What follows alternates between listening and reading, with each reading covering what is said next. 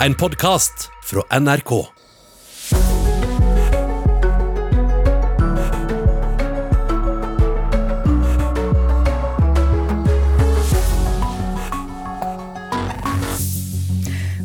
mandag morgen. Nyhetsmorgen er i gang etter helgen, og vi skal gi deg alt det som du bør vite i dag. I hvert fall mye av det.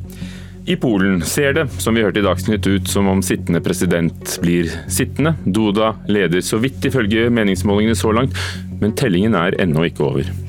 Det siste døgnet så har det blitt flere koronasmittede i verden enn noen gang. Økningen er aller størst i USA, der smitten sprer seg raskt. Hva venter nordmenn og andre som vil reise til Spania? Fra onsdag kan vi nemlig reise uten å pådra oss karantene når vi kommer hjem. Ja, vi skal innom frisbee golf. Det er også blitt veldig populært. Dette er Nyhetsmorgen med Ugo Fermariello og Silje Katrine Bjørkøy. Og vi begynner i Polen. Det gjør vi. For der ser det nemlig ut til at sittende president Andrzej Duda får fortsette som president. Han leder presidentvalget med knapp margin, ifølge en valgdagsmåling som kom tidlig i dag morges. Utenriksreporter Christian Aanensen, du følger jo dette valget i Warszawa. Hva, hva viser disse valgdagsmålingene som nå har kommet? Den tredje valgdagsmålingen kom nå for noen timer siden, og de har alle vist den samme trenden. Duda leder. Den siste leder han da med 51% mot Tsjajkovskijs 49. Dette har da økt fra den første som kom klokken ni i går kveld. Sånn at det ser sånn ut, selv om opptellingen ikke er over ennå, at det er Duda som har vind i seilene, og den trenden på meningsmålingen viser at den sittende presidenten kommer til å fortsette å være her i presidentpalasset i fem år til. Valget var i går. Resultatene begynner jo å komme inn. Når, når kan vi vente å få det endelige resultatet? Det er sagt at det vil komme enten i løpet av dagen eller morgendagen, litt avhengig av når, hvor raskt de klarer å telle. Det som har kommet foreløpig, er valgdagsmålinger som har da blitt bedre og bedre. Sånn at feilmarginen nå skal være ifølge Ipsos, som har gjennomført disse, nede i 1% Sånn at i løpet av dagen, eller omtrent formiddagen, så har vi nok et klarere svar på det. Stemningen i Polen rundt deg, livet går jo sin gang. Hvordan er stemningen i Polen nå når man venter på, på resultatet? Er nok et ganske splitta Polen som våkner i dag, der omtrent halvparten er ganske lettet og resten av halvparten ganske skuffet. Hvis vi ser på kartet på hvordan polakkene har stemt, så er det ganske delt på midten. Duda har tatt og klart å mobilisere sine kjernevelgere i øst, og Tsjajkovskij har vunnet vest og nord. Tsjajkovskij har også, ifølge disse valgdagsmålingene, klart flertall av unge polakker, mens Duda har klart å mobilisere de med lavere utdanning og utenfor byene. Men så er det også et viktig poeng at de venter på de utenlandske stemmene, som bortsett fra USA stort sett har stemt for Tsjajkovskij. Og Det endelige resultatet får vi altså når enten senere i dag eller i morgen. Takk skal du ha så langt, reporter Christian Aanensen, som også følger valget i Polen for oss. Jørn Holm Hansen, forsker ved Storbyuniversitetet Oslo OsloMet, god morgen. Hadde du ventet at det skulle bli så tett? Nei, det, jeg hadde venta at det ble tett, fordi meningsmålingene de siste par ukene har vist sånn ca. 50-50 til hver av de to kandidatene. Så noe har jo da Tsjajkovskij utfordrende her gjort riktig, men hva er det han eventuelt ikke har forstått, som kan være den, store, den lille forskjellen som gjør den store utslaget? Det er dette med Han har ikke klart å knekke populismekoden. Og Den er en viktig faktor i polsk politikk, fordi det er en veldig stor forskjell på eliten og folkedypet i Polen. Og det Duda, høyrepopulisten, har klart å spille på, er folks følelse av at de er små, og at de ikke blir forstått av elitene i byene, som Tsjajkovskij er en veldig klar eksponent for. Og de blir heller ikke forstått av andre land i Europa. Ja, Som ordfører i, i hovedstaden Warszawa så er hun en typisk eksponent for det. Og så er det jo lett å tenke at siden han er utfordrer, at han da står helt, et helt annet sted politisk. Men begge er jo her på høyresiden. Hva er den grunnleggende forskjellen? Ja, det er riktig. Begge tilhører hvert sitt uh, høyreparti. Duda Doda tilhører et høyreparti som uh, er i allianse med Sverigedemokraterna, de britiske konservative, Dansk Folkeparti og sånn, med europeisk politikk, mens Tsjaskovskij tilhører Høyres søsterparti. Man kan godt si at Tsjajkovskij, og der i det partiet tilhører han med liberale fløyen, som kan godt si at Tsjajkovskij er en høyreliberal, mens uh, Duda er nasjonalkonservativ. Hva vil forskjellen bli hvis, de, hvis den ene eller andre blir valgt? Fordi presidentembetet er jo, uh, er jo ikke like sterkt som la oss si i Frankrike? Nei, men presidenten har mulighet til eh, å nedlegge veto mot eh, lover som kommer fra nasjonalforsamlingen. Eh, og der har Tsjaskovskij lovt at han vil nedlegge veto mot lover og tiltak som ikke bidrar til klimanøytralitet. Og han vil også nedlegge veto mot skatteøkninger. Dessuten så kan han eh, spille en rolle på den internasjonale scenen, for der har presidenten eh, en rolle sammen med statsministeren. Og Der er det en klar forskjell mellom de to. For Tsjaskovskij er EU-orientert, eh, mens Duda er EU-skeptisk. Han er ikke skeptisk til medlemskapet, for det tjener Polen veldig mye på, men han vil motsette seg felles europeisk politikk. Sarskowski er tilhenger av å delta på den arenaen for politikkutforming som han ser EU som. Og Doda er ekstremt pro USA, eh, særlig nå som Trump styrer USA. Og noe som stadig dukker opp i Polen, er eh, stridighetene rundt rettssystemet og de forskjellige rettsinstansene. Hvor står den saken, og hva vil dette valget få bety?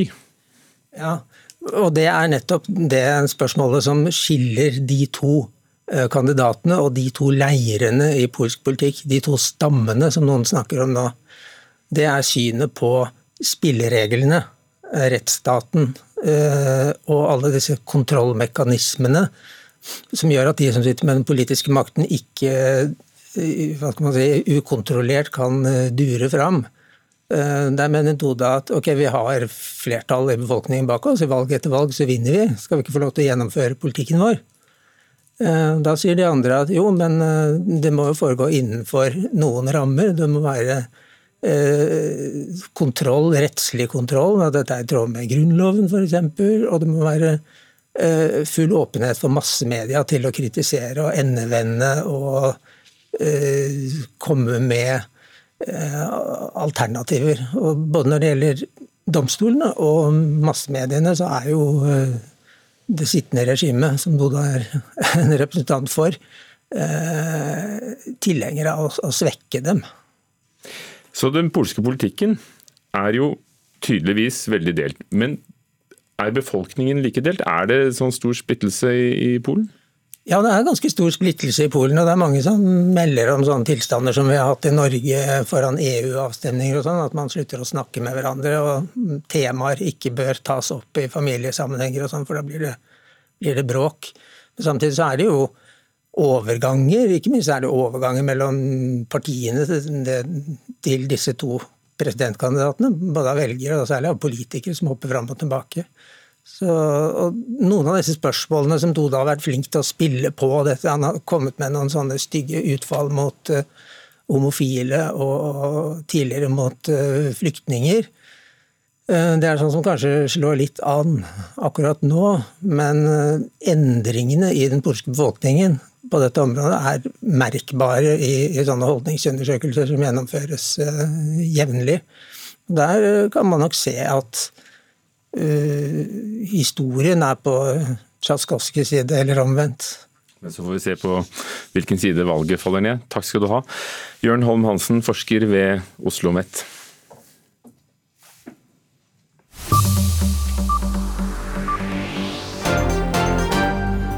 Dette er blant det som har skjedd i natt. Mannen som sto bak to dødelige angrep mot moskeer i New Zealand i mars 2019, har sparket forsvarerne sine. Australske Brenton Tarrant er siktet for 51 drap, 40 drapsforsøk og terrorangrep, og har sagt seg skyldig. Dommen faller i august. En mann ble søndag kveld funnet død utenfor boligen sin i Askim. Politiet anser dødsfall som mistenkelig og har startet med etterforskning. Det er påvist fire nye tilfeller av koronavirussmitte siste døgn i Norge. De siste to dagene er økningen på syv tilfeller, ifølge Folkehelseinstituttet.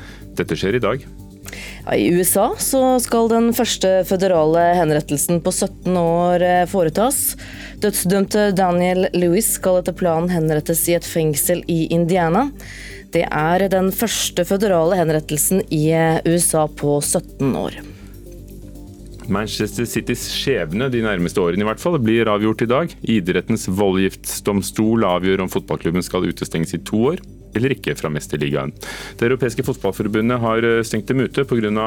det de mener er brudd på det økonomiske regelverket. Ja, og eh, Moldias åpner i dag. Det er for 60. gang.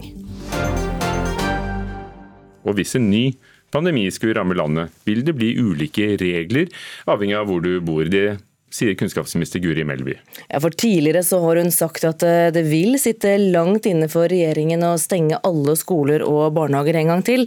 Men ny kunnskap om eh, smittespredning og smittesporing det vil gi ulike regler ulike steder hvis en pandemi skulle treffe på nytt, sier eh, Melby da.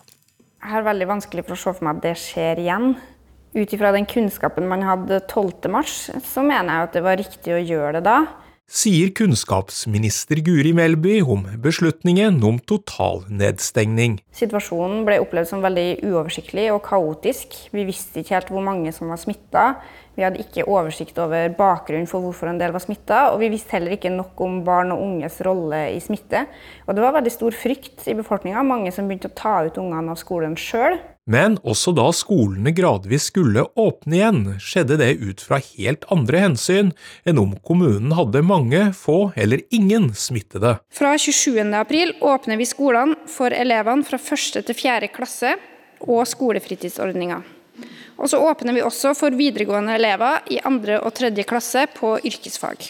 I dagens sommerkvarter i NRK P2 sier Guri Melby at skulle en lignende situasjon oppstå igjen, vil neppe alle kommuner bli skåret over én kam. Jeg tenker jo at nå framover, med både den kunnskapen vi har og den muligheten vi har til å både spore smitte og til å teste, så er det ingen grunn til å gjøre nasjonale vedtak som likebehandler kommuner som har veldig ulik situasjon.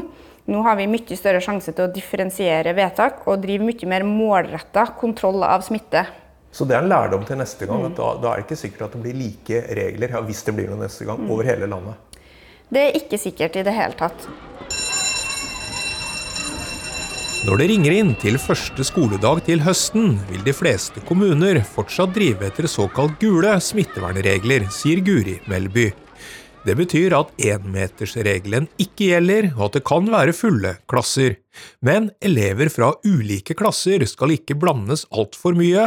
Håndvask er fortsatt like viktig, og er du småforkjøla, må du holde deg hjemme. Men vi har jo nå sagt at det skal være opp til helsemyndighetene å definere om det skal være grønt, gult eller rødt nivå. Og da vil det helt sikkert bli litt forskjellig rundt omkring i landet. Det kan også være at noen kommuner nå får et smitteutbrudd i løpet av sommeren, som gjør at de må stramme til og kanskje gå tilbake på rødt nivå, sånn som vi holdt på rett etter påske.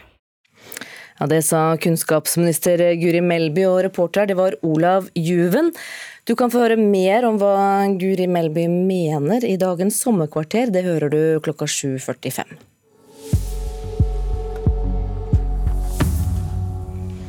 Klokka er blitt 17 eh, minutter over sju. Det er Nyhetsmorgen du hører på, og blant eh, sakene våre denne morgenen så er disse. Sittende president i Polen, Andrzej Duda, leder presidentvalget med knapp margin, ifølge valgdagsmålingene. Økningen i antall koronasmittede i verden er større enn noen gang, ifølge Verdens helseorganisasjon. USA er eh, det landet som har den største økningen. Og krisen pga. koronavirusepidemien har trolig forsterket forskjellene mellom skolene, mener altså kunnskapsminister Guri Melby. Vi skal eh, til USA. Koronavirussmitten der sprer seg raskt i flere av delstatene. bl.a. i Texas. Og der er du, reporter Lars Os i Houston. Hvordan er smittesituasjonen der nå?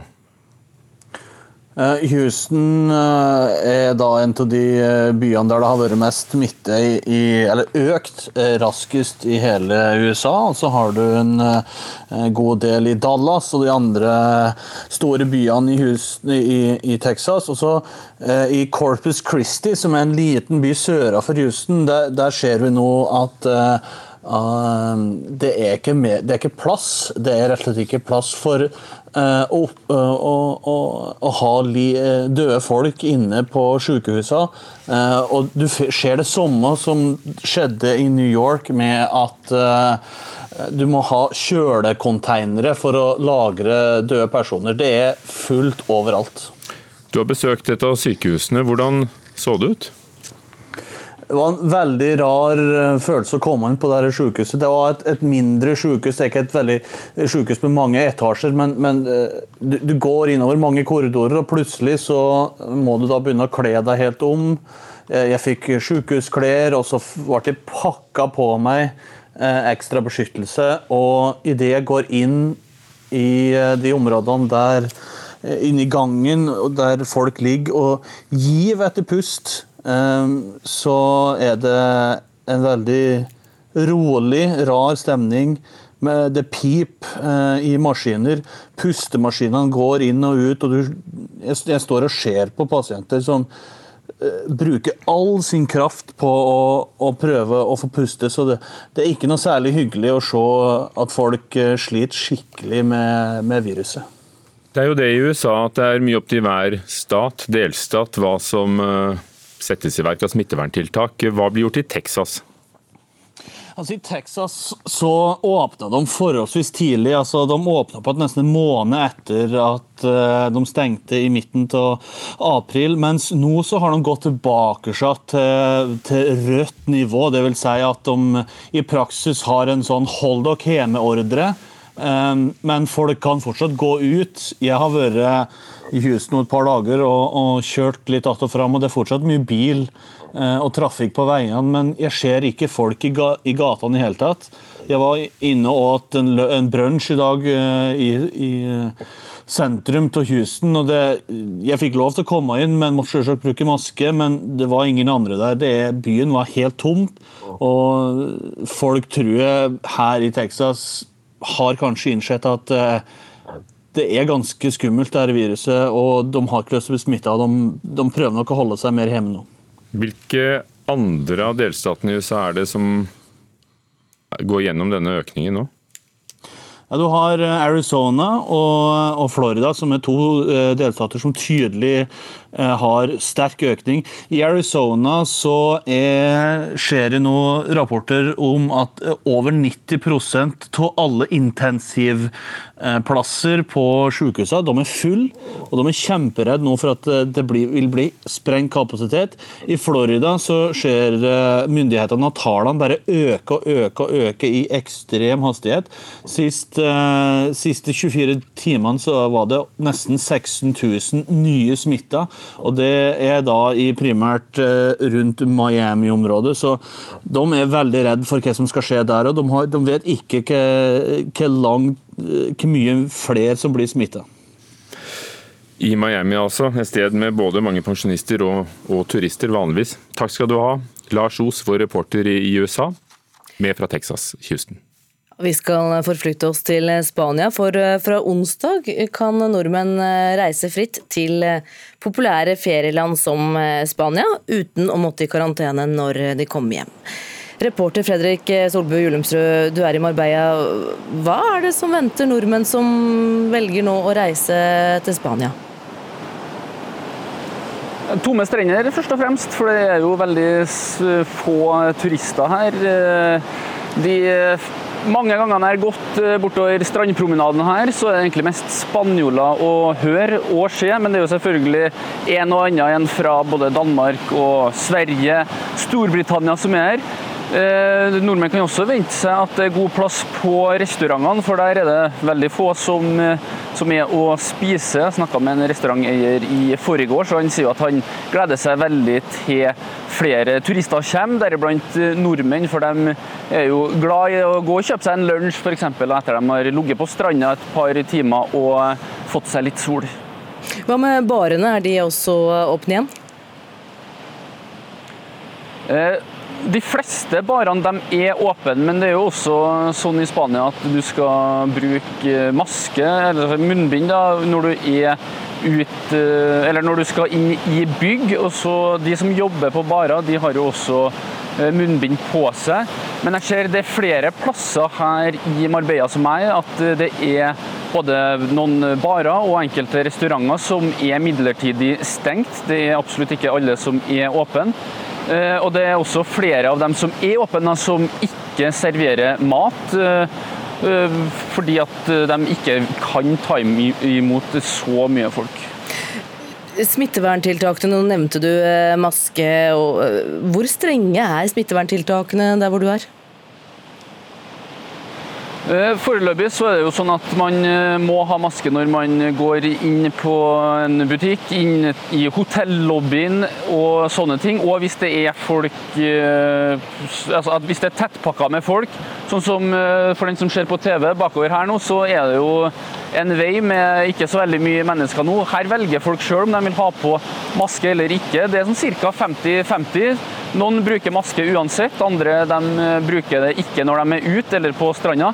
Men i dag så det eh, kan det komme nye tiltak her i Andalusia, der er et, eh, det er et veldig stort område, jeg kaller det et fylke, da, som, der det er flere byer involvert. Der får man vite om man må bruke maske til enhver tid, også når man er ute. Selv om man går helt alene, så kan det være at fra i dag så må man bruke maske. og Det vil jo si for nordmenn som kommer ned på onsdag, altså om to dager. Hvis det er en familie på fire som skal være her i tre uker, så er de jo nødt til å ha med seg flere titalls eh, munnbind, sånn at eh, man kan bruke munnbind eh, hver dag, som kanskje blir pålagt fra i dag. Det er jo bare noen få dager siden spanske myndigheter opphevet unntakstilstand som var pga. koronaviruset, og grensene er altså åpne for reisende fra EU og fra Schengen-land. Eh, hvor velkomne er turistene til Spania nå? Eh, veldig velkomne er turistene. 15 av Spanias altså, økonomien i Spania er jo om turisme, og én million nordmenn besøker jo Spania hvert år. Uh, uten turister så vil jo da f.eks.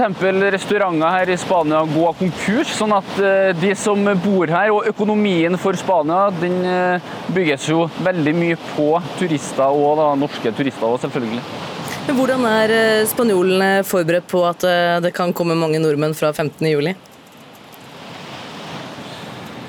Nei, er jo, De er jo forberedt som, eh, med smitteverntiltak. De, på restauranter så er de jo flinke til å eh, fortelle når du kommer inn eh, hvordan man skal oppføre seg, rett og slett. Det står også skilt hvordan man skal gå på stranda. Og på strandpromenaden så går det vakter hele dagen egentlig, og sier fra hvis de ser da, at en gruppe mennesker er for nært en annen gruppe, så kommer de og sier fra at du må flytte. Hvis du kommer for sent på stranda da, når nordmenn, nordmenn, kommer hit og det blir enda flere på stranda enn hva det er i dag, så kan de vaktene faktisk si til deg at eh, beklager, i dag så får ikke du ligge på stranda her, det er fullt, så du er nødt til å finne et uh, annet sted. Så, så, jeg opplever at uh, spanjolene er klar til å ta imot flere turister enn det som er her i dag. Da. Takk skal du ha, reporter Fredrik Solbu Julemstrø. Det er ikke bare bare å begynne som lærer. Ny forskning fra Nederland tyder på at det tar tre til seks år før en ny lærer finner seg til rette. Dette året bruker vi 60 millioner kroner på å veilede de nye lærerne i grunnskolen, men ikke et øre på de som skal begynne på på gymnaset, på videregående skole, som lærere altså. Sondre Kvamme er en av dem som gjerne ville hatt noen råd. Du har gjerne utfordringer du ikke har møtt på før, sånn som jeg hadde en del elever som hadde språkvansker. og Det var noe som holdt meg våken over nettene. Jeg fikk ikke sove. Det var kanskje det som var vanskeligst for meg. Særlig dette ansvaret for enkeltelever. Det er ganske ekstremt, egentlig, den der ansvarsfølelsen du får. sånn. Én av seks nyutdanna lærere er ute av skoleverket etter fem år, syner tall fra SSB.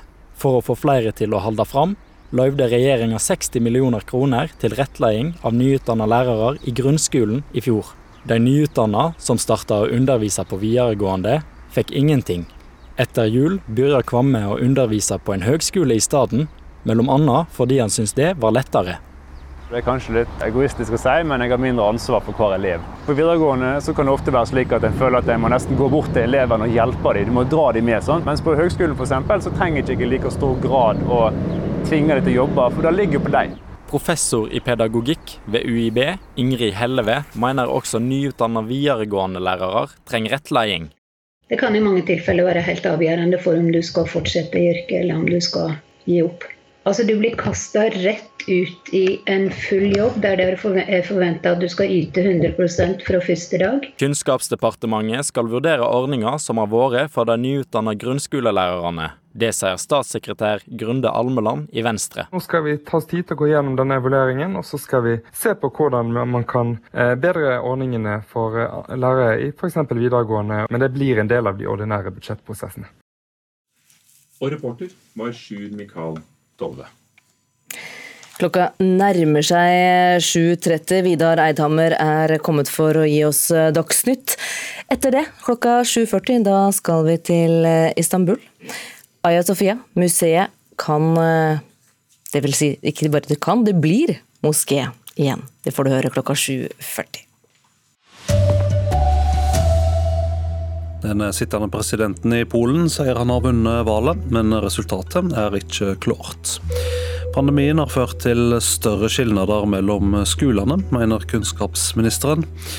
Og nå åpner Spania for nordmenn, men skal du reise, da må du ha munnbindet klart. Her er NRK Dagsnytt klokka 7.30. I Polen syner valgdagsmålinger at det er svært jevnt mellom de to kandidatene, sittende president Andrzej Duda og Warszawa-ordfører Rafal Trzaskowski. Duda kunngjorde likevel siger i går kveld. Bardzo, bardzo dziękuję, ale przede wszystkim niech żyje Polska! Niech żyje Polska! Niech żyje Polska! Lenge leve Polen, sa Duda. Utenriksreporter Kristian Aanensen, du er i Warszawa. Hva syner målingene? Målingene viser en knapp ledelse til Duda. Det har vært tre valgdagsmålinger fra går kveld og gjennom natten, og alle har vist en økende ledelse for Duda. Den siste er da på 51% Duda, 49% Tsjajkovskij. Men det er ennå ikke klart hva resultatet vil bli. Hva er det som skiljer disse to kandidatene? Det er to ganske klare forskjeller på de. Det er en, en Duda som er en nasjonalistisk, kristen, konservativ politiker på ytre høyre, som har sittet med presidentmakten i fem år. Og han har også støttet regjeringen, så å si alle deres innstramminger og det de har fått mye kritikk for, deres autoritære holdninger. Og så hadde du Tsjajkovskij, som er en mer europeisk, liberal, kanskje det vi kan si i Norge en høyre-liberal politiker men det ser ut som om det er Duda som har klart å mobilisere sine velgere øst i landet og utenfor byene, som har ledelsen og vind i seilene akkurat nå. Utenriksreporter Kristian Aanensen i Warszawa, og det endelige valgresultatet er venta tidligst i kveld. Koronakrisa har trolig forsterka skilnadene mellom skolene, det mener kunnskapsminister Guri Melby. Og Det mener også Utdanningsforbundet, og de ber Melby passe på at kommunene ikke kutter i skolebudsjettene når de skal dekke opp for økte koronautgifter. Det er litt for store forskjeller i Skole-Norge. Sier kunnskapsminister Guri Melby fra Venstre. Jeg tror nok at de forskjellene som er der til vanlig, egentlig ble forsterka. Og det tenker jeg er en av de hovedjobbene mine da, som kunnskapsminister. Å bidra til at barn har et likeverdig tilbud i hele landet. Det første hun bør gjøre, er å følge nøye med på kommuneøkonomi. Sier leder for Utdanningsforbundet, Steffen Handal. Det er grunn til å tro at koronaen har eh, forsterket forskjeller. Eh, men det er flere ting vi kan gjøre for å motvirke det. Vi kan satse på at alle elever har en kvalifisert lærer. Eh, regjeringen bør satse på kommuneøkonomi. Vi ser at det nå kuttes i skolebudsjetter, istedenfor å satse på bl.a. sårbare eh, elever. Reportere var eh, Olav Juven, og Guri Melby er også gjest i dagens sommerkvarter. Klokka 7.45 i P2, på Alltid og også på NRK1. Norsk Sykepleierforbund frykter nye smitteutbrudd når folk nå kan reise karantenefritt til store deler av Europa. Forbundsleder Lill Sverresdatter Larsen sier sykepleierne er slitne etter en tøff vår, og voner at de fleste som skal på ferie, holder seg i Norge. Det vi er bekymra for, er jo at vi faktisk skal ha et eh, helsesystem som fungerer utover høsten òg. Sier forbundsleder i Norsk Sykepleierforbund, Lill Sverresdatter Larsen. Vi er nødt til å klare å ha sykepleiere og helsefagarbeidere og leger som klarer å stå i det også til høsten, hvis det da blir en økt eh, smitte. Eh, og det forventes jo. Det er klart at eh, risikoen øker ved en økt reisevirksomhet. Fredag forrige uke la regjeringen frem nye reiseråd som gjør det mulig å reise karantenefritt til flere land i Europa. I etterkant har Sykepleierforbundet uttrykket bekymring for nye smitteutbrudd, først til TV 2. Larsen sier at etter en beintøff vår er det mange sykepleiere som er utslitt. For noen er trykket så stort at de vurderer å bytte jobb.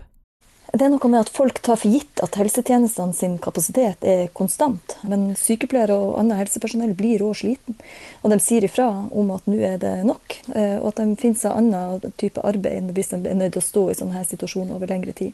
Til tross for at store deler av Europa nå åpner for turister, var det ingen NRK snakket med som hadde tenkt seg utenlands i sommer. Jeg syns det er fryktelig synd hvis man skal komme hjem og ha med seg mer smitte her nå, som vi har det såpass bra.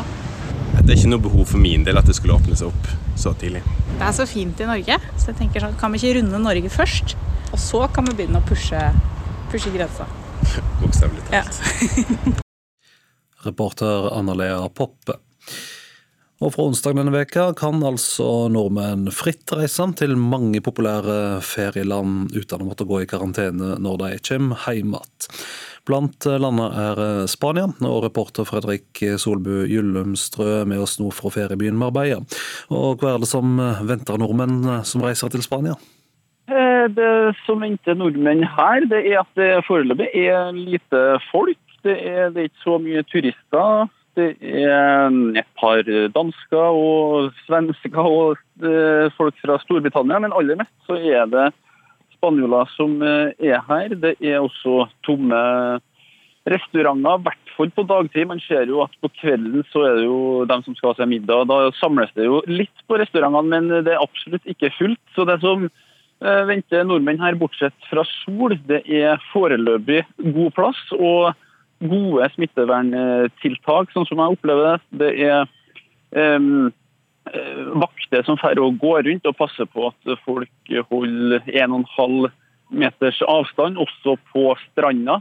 Eh, ligger man for tett der, så kan de her vaktene komme bort til og si at uh, man må flytte seg. Og jeg snakka med en vakt i forgårs, og da spurte jeg hva skjer når f.eks. nordmennene og andre turister kommer over og det blir fullt på stranda, jo da kan de si at uh, i dag så er det fullt her, du må finne en annen strand. Og hvis du ikke hører etter da, så har ikke de myndighet til å kaste deg bort, men de kan gå da til politiet som da vil komme og eskortere deg bort fra den stranda. Så det er litt av det som venter de som skal til Marbella da, i hvert fall.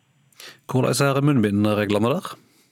I dag så er munnbindreglene slik at eh, man må ha på munnbind når man går inn i en bygning, som f.eks. når du skal inn på hotellet ditt, i hotellobbyen, så må du ha munnbind. Skal du inn på et kjøpesenter eller supermarked, så må du ha munnbind.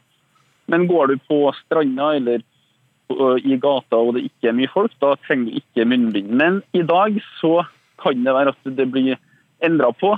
Um, for da skal lokale myndighetene i Andalusia, her Marbella ligger, da, skal avgjøre om man må bruke munnbind også når man er ute hele tida, til enhver tid. Så det vil si at hvis, hvis de sier at man må bruke munnbind, så kommer ikke til å skje en eneste person som ikke går med munnbind, selv om man går helt alene ned i gate. Da er det sånn at alle skal bruke munnbind, og det får vi vite i løpet av dagen i dag. Takk skal du ha, reporter Fredrik Solbu Gyllumstrø i feriebyen Marbella i Spania. I den canadiske byen Montreal har en restauranteier gått nye veier for å sørge for avstand mellom gjestene av omsyn til koronaviruset. Han hadde ikke lyst til å fjerne bord eller henge opp pleksiglass, og har derfor funnet en annen løsning. To kvinner ved et restaurantbord.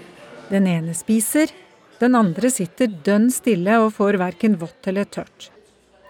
På restauranten Le Monarque i Montreal er det flere slike gjester. Det fasjonable spisestedet har nemlig plassert ut flere utstillingsdukker ved bordene. De er pene i tøyet og urørlige. Men en av dem gir et tydelig signal. Hun er tørst, hun vil gjerne ha et glass vann, sier Philippe Dubuc spøkefullt. Han er designer og har fått sjansen til å vise fram klærne sine på denne måten. Nå er 29 utstillingsdukker kledd opp og plassert ut i lokalet. Restauranteier Jérémy Bastien forklarer at de ville sørge for større avstand mellom gjestene. Nous, on a voulu euh, donner plus d'espace aux clients. On n'a pas voulu retirer des tables ou mettre des panneaux de plexiglas. Donc, Men vi hadde ikke lyst til å fjerne bord eller å henge opp pleksiglass. Nå er plassene fylt opp av dukker som glir inn i miljøet, mener han. Vi får dekorert litt og laget litt atmosfære, sier Bastien til nyhetsbyrået AFP. Slik har det seg at restauranten ikke bare tilbyr mat til kundene sine. Hvis de liker noen av klærne, kan de også kjøpes. Klærne skal nemlig auksjoneres bort, og overskuddet går til veldedighet. Restaurantgjest Nasim Habashi er begeistret for påfunnet. Han syns dette er en hyggelig måte å sørge for sosial distanse på. Reporter Marit Kolberg, ansvarlig for sendinga Silje Sande og Vidar Eidhammer.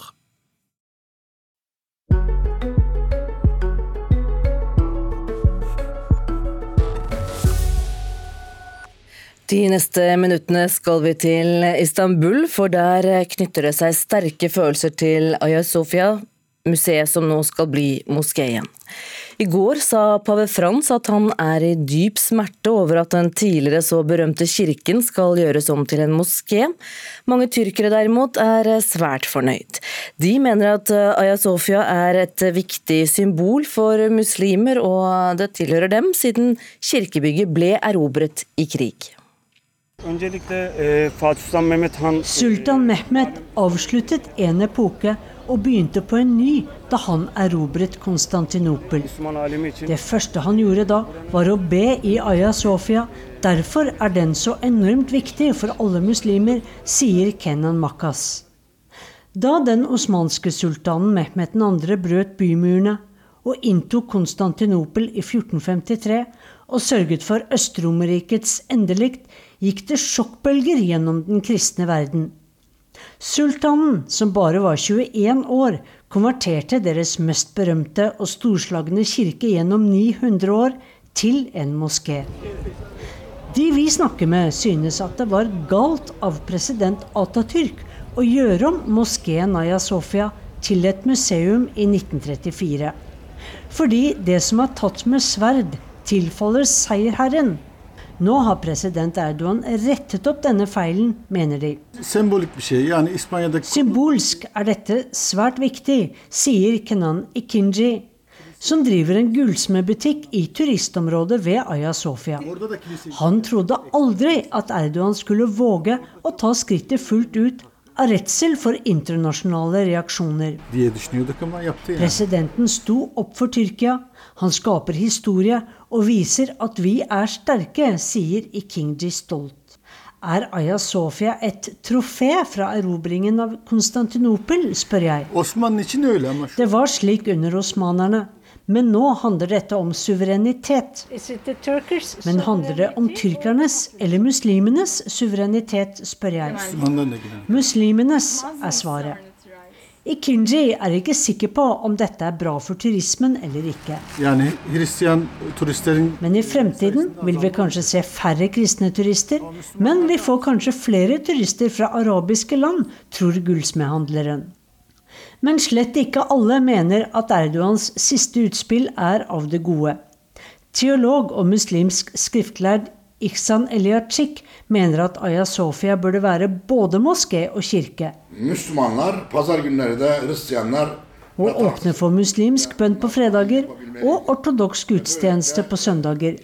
Så hvorfor gjør presidenten dette nå, spør jeg. Erdogan? Erdogan er ingen islamist, men derimot en konservativ nyosmanist. Sultan Fatih Recep Tayyip Erdogan olmak. For han beundrer de tidligere sultanene og ønsker å være en fortsettelse av dem. Og som sultanene har også han bygget en prangende moské på en godt synlig høyde. Generelt har tyrkere et mindreverdighetskompleks, men når du forteller dem om sultan Mehmet og erobringen av Konstantinopel, så føler de seg sterke, sier Eliartik til NRK. Men teologen mener at presidenten er i utakt med tidsånden, der man snakker om dialog, mangfold og inkludering, og ikke om erobringer fra 1400-tallet. Han trenger å styrke basen sin, og også få oppmerksomheten bort fra korona og økonomisk krise, mener Eliarchik. Ja, det var vår korrespondent Sissel Wold som hadde loddet stemningen utenfor Aya Sofia.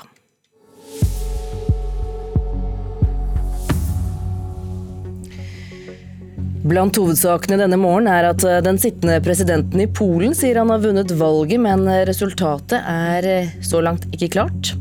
Pandemien har ført til større forskjeller mellom skolene, mener kunnskapsministeren, og nå åpner Spania for nordmenn. Men skal du reise, da må du ha munnbindet klart. Det neste kvarteret får du nå møte hun som fikk ansvaret for å stenge og gjenåpne landets skoler og barnehager kastet på seg. Måten som hun har gjort jobben på gjør at hun stadig blir nevnt som en mulig lederkandidat i Venstre. Kunnskapsminister Guri Melby er dagens gjest i Sommerkvarteret hos Olav Juven.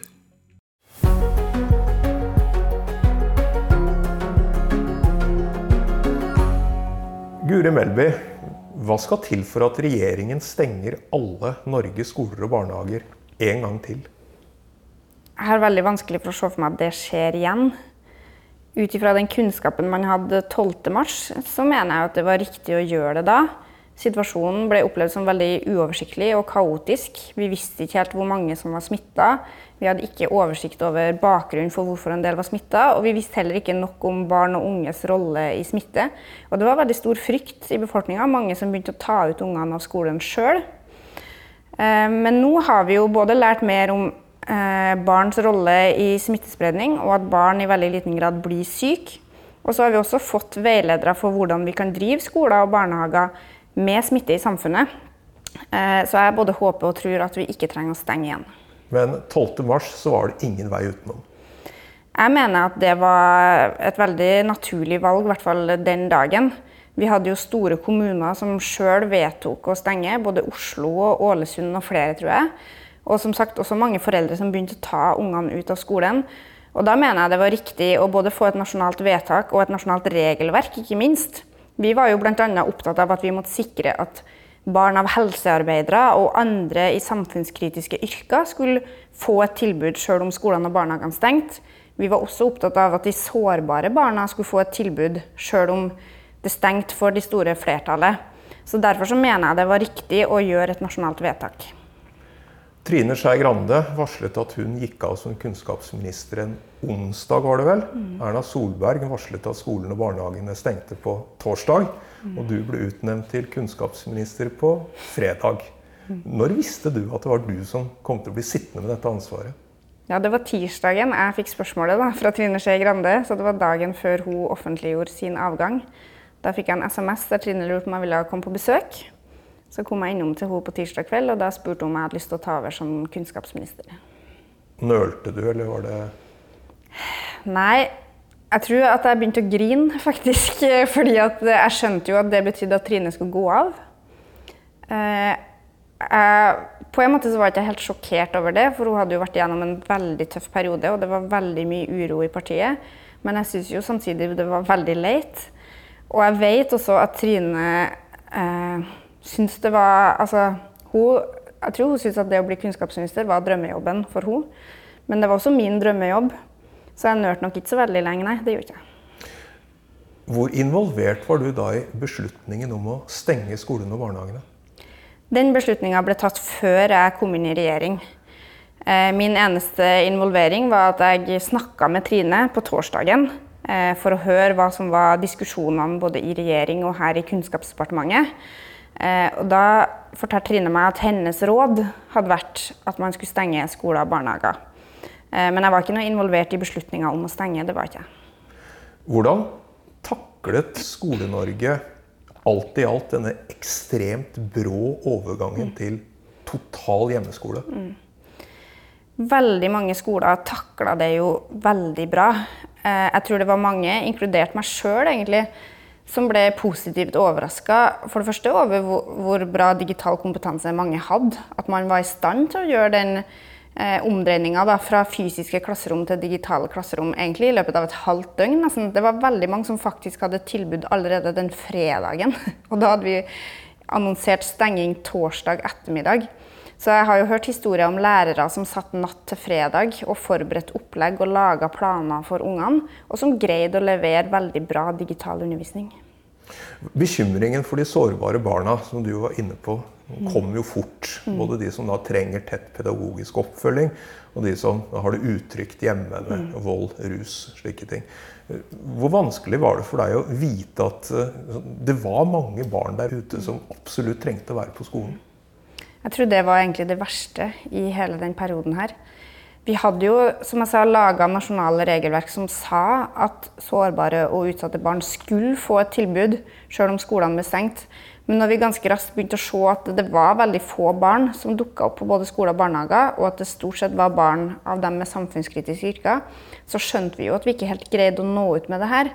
Og det tror jeg hadde mange årsaker. For det første så tror jeg at egentlig også veldig logisk så tok kommunene det her med smittevern veldig alvorlig og var veldig opptatt av at egentlig så få som mulig skulle komme i skolen og barnehagen. Og det mener jeg var en veldig logisk prioritering å gjøre da. Men det betyr kanskje at det tok litt for lang tid før eh, alle begynte med veldig sånn oppsøkende virksomhet med tanke på hvilke barn som burde ha kommet på skolen og barnehagen. Og så tror jeg også mange av foreldrene til dem som da hadde hatt behov for å komme på skolen, syntes det var vanskelig å bruke et sånt tilbud når man var usikker på hvor trygt det var.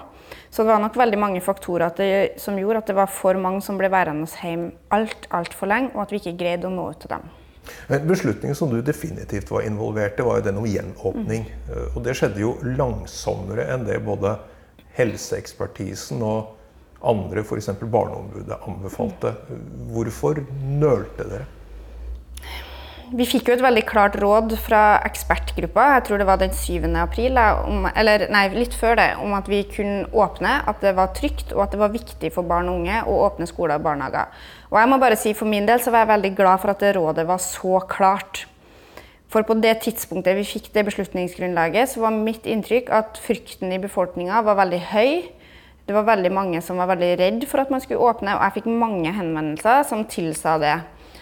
Men når vi fikk et så klart helsefaglig råd om å åpne, så skjønte jeg at her kan vi faktisk få det til på en måte, og samtidig betrygge folk om at det er mulig. Men da ble vi også ganske raskt enige om at vi er nødt til å gjøre det gradvis og rolig. Vi er nødt til å ha med oss skolene og barnehagene på det.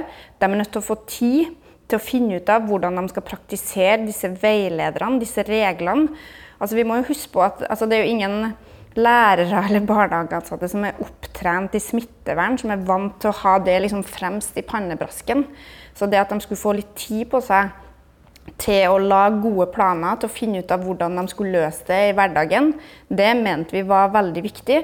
For hvis ikke de ansatte føler seg trygge, så var jeg også veldig redd for at foreldre ikke ville føle seg trygge på å sende elever til skolen og unger i barnehagen.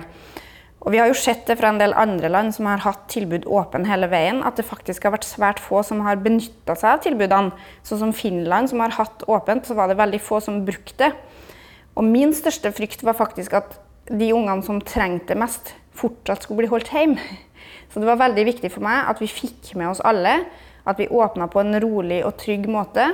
At vi kommuniserte klart og tydelig at det var trygt. Og at det skulle være obligatorisk for alle skoleelever å komme tilbake på skolen.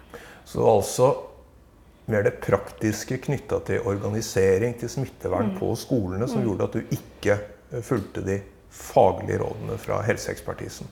Ja, vi valgte jo å gi skolene ei uke mer enn det ekspertisen eh, anbefalte.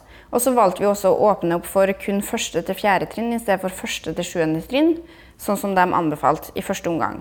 Og det var jo også fordi at vi fikk veldig klare tilbakemeldinger om at med strenge smitteråd, med inndeling i små grupper, med én meters avstand, så var det rett og slett ikke fysisk mulig på veldig mange skoler å få plass til alle elevene. Du har jo små barn selv. Hvordan løste du det her? Ja, Eh, jeg skal ikke skryte på meg altfor mange dager med hjemmekontor sjøl. Jeg fikk jo denne jobben da, samtidig som barnehagen stengte. Så om ikke hverdagslogistikken var vanskelig fra før, så ble den jo ekstra vanskelig nå. Det må jeg jo bare erkjenne. Eh, vi kan jo si Hell i uhell så var det jo en pappa som ble sittende på hjemmekontoret. da. Så det var kombinert hjemmekontor og hjemmebarnehage. Eh, så jeg tror jeg hadde en tre-fire dager med hjemmekontor sjøl. Eh, og de dagene var nok til at jeg ble full av beundring av alle dem som gjorde det her i ukevis. Altså. Fordi at eh, det å være hjemme med ungene sine, det er jo noe de fleste setter pris på. Men det å være hjemme med dem samtidig som du har en arbeidsgiver som krever noen ting av deg Kanskje du f.eks. er lærer sjøl og skal undervise elever, og så har du, som, som i mitt tilfelle, en toåring og en fireåring som krever sitt, som det er vanskelig å på en måte eh, ja, ikke gjøre noen ting for. da. Eh, så blir det veldig krevende. Så jeg tror nok det er ganske mange småbarnsforeldre som har hatt en tøff vår. Det var heller ikke mulig å sende ungene til noen besteforeldre eller be naboen om litt hjelp. Eh, så det ble nok ganske intense uker for mange. Hva var logikken i å holde barn fra 5. klasse og oppover eh, borte fra skolen i to måneder i kommuner uten et eneste smittetilfelle? Da vi bestemte stenging, så var jo smittetallene i full fart oppover. Eh, og vi følte at det var en smitte som var litt ute av kontroll. Det var mange smittetilfeller der man ikke visste hvor smitten kom fra. Eh, og at det var viktig å eh, skru ned aktivitet for å få kontroll på smitten. Og det er jo også sånn at Selv om det er en del kommuner der det ikke er registrert smitta, så er det jo en god sjanse for at det faktisk har vært folk som både har vært syke og som har hatt smitten også i de kommunene. Eh, men jeg tenker jo at nå framover, med både den kunnskapen vi har og den muligheten vi har til å både spore smitte og til å teste, så er det ingen grunn til å gjøre nasjonale vedtak som likebehandler kommuner som har veldig ulik situasjon. Nå har vi mye større sjanse til å differensiere vedtak og drive mye mer målretta kontroll av smitte. Så det er en lærdom til neste gang. at da, da, er det ikke sikkert at det blir like regler ja, hvis det blir noe neste gang, over hele landet. Det er ikke sikkert i det hele tatt. Da skolen etter hvert åpnet, så var det store forskjeller i tilbudet fra skole til skole, fra kommune til kommune. Hvor, hvor heldig var det? Jeg tror at det ble en sånn understreking av den situasjonen som vi egentlig alltid har. At det er litt for store forskjeller i Skole-Norge. Vi har mange kjempebra skoler som gjør en fantastisk jobb, og som greier å både utjevne sosiale forskjeller, tilpasse undervisninga til enkelte elever, som ligger i front på det digitale, eh, og som har god faglig utvikling. Og så har vi en del skoler og en del kommuner som ikke er like dyktige. Og jeg tror at de forskjellene kom ekstra klart fram i en sånn krisesituasjon. Og så er det også litt tilfeldig kanskje hvem som har satsa veldig mye på en del digitale verktøy eller ikke, som greide å gi et godt tilbud. Eh, men jeg tror nok at eh, de forskjellene som er der til vanlig, egentlig ble forsterka. Og det tenker jeg er en av de hovedjobbene mine da, som kunnskapsminister. Å bidra til at barn har et likeverdig tilbud i hele landet. Er alt normalt igjen ved skolestart til høsten? Jeg tør ikke å garantere noen ting. Eh, vi har sagt at nå driver vi etter såkalt gule smittevernregler. Da. Og Det betyr jo at man ikke skal blande elever altfor mye mellom klasser, men at man kan være i vanlige klasser. Men at man også skal være nøye på hygiene, og at man skal holde seg hjemme hvis man er småforkjøla. Sånn tror jeg nok også det kommer til å være til høsten, i hvert fall i de aller fleste kommunene. Men vi har jo nå sagt at det skal være opp til helsemyndighetene å definere om det skal være grønt, gult eller rødt nivå. Og da vil det helt sikkert bli litt forskjellig rundt omkring i landet. Det kan også være at noen kommuner nå får et smitteutbrudd i løpet av sommeren som gjør at de må stramme til og kanskje gå tilbake på rødt nivå, sånn som vi holdt på rett etter påske. Hvilke positive ting tar skolene med seg fra koronaperioden? Jeg tror de tar med seg veldig mye positivt, faktisk. Eh, jeg tror at mange har fått, Vi vet at mange har fått heva sin digitale kompetanse. Det gjelder jo både lærere og andre ansatte, og også elevene. Jeg har hørt mange lærere som sier at de har blitt positivt overraska over hvor selvstendige elevene faktisk greier å jobbe. Eh, og jeg tror mange har fått prøvd ut nye arbeidsmåter, så de har skjønt at det her kan vi ta med oss. Mange sa, altså Etter at vi åpna, var det mange som brukte veldig mye uteskole eksempel, og syntes at det var veldig bra. Eh, mange har også erfart at det å dele opp i mindre grupper og kanskje ha stabile grupper for noen elever også kan virke veldig fint. Det gjelder jo både i barnehagen og i skolen. at Det gjør at du får tettere kontakt med dem. Og Det er også mange elever som sa at de opplevde at eh, i den tida skolen var stengt, så fikk de faktisk en bedre relasjon til læreren. Fordi at læreren tok kontakt og førte dem opp sånn individuelt i stedet for bare i klasserommet. Så vi har jo nå satt i gang en rekke evalueringer av det som skjedde, og jeg håper jo at mye av dette kan bidra til å utvikle både skoler og barnehager, og gjøre dem enda bedre i framtida. Det er sommer, regjeringen har åpna mer mot Europa, men like fullt er det noen ferieplaner som har gått i vasken for deg i år? Ja, jeg skulle egentlig til Nord-Italia, og skjønte ganske tidlig at det ble det ikke noe av. Så det her huset i Toskana er avbestilt, så nå blir det Hafjell i stedet. Hafjell og Trøndelag. Og Oslo og Fredrikstad og en rekke andre ting. Og det, du, det er noe av det jeg ser minst mørkt på. Egentlig så syns jeg det er helt greit. Et tema vi ikke kommer utenom, det er lederstriden i Venstre. Når har du tenkt å si om du er lederkandidat eller ikke? Jeg håper jeg kan bli trudd på at siden 13.3 så har jeg stort sett konsentrert meg om å sørge for norske skoleelever og norske barnehagebarn. Og sørge for at vi får åpna tilbudet til dem på en trygg og god måte. Og at jeg har brukt ganske lite tid på å tenke på Venstre og lederkamp. Så, det er tid nå, da. Ja, så da kan jeg kanskje bruke sommeren på det. da. Så kan jeg gi mitt svar til valgkomiteen etter sommerferien. Men Er det sånn at du vet hva konklusjonen din er, men ikke vil si det? Eller er du fortsatt i den berømte tenkeboksen? Eh, det betyr at jeg har behov for å tenke meg om, ja. Guri Melby, fortsatt god sommer. Takk skal du ha.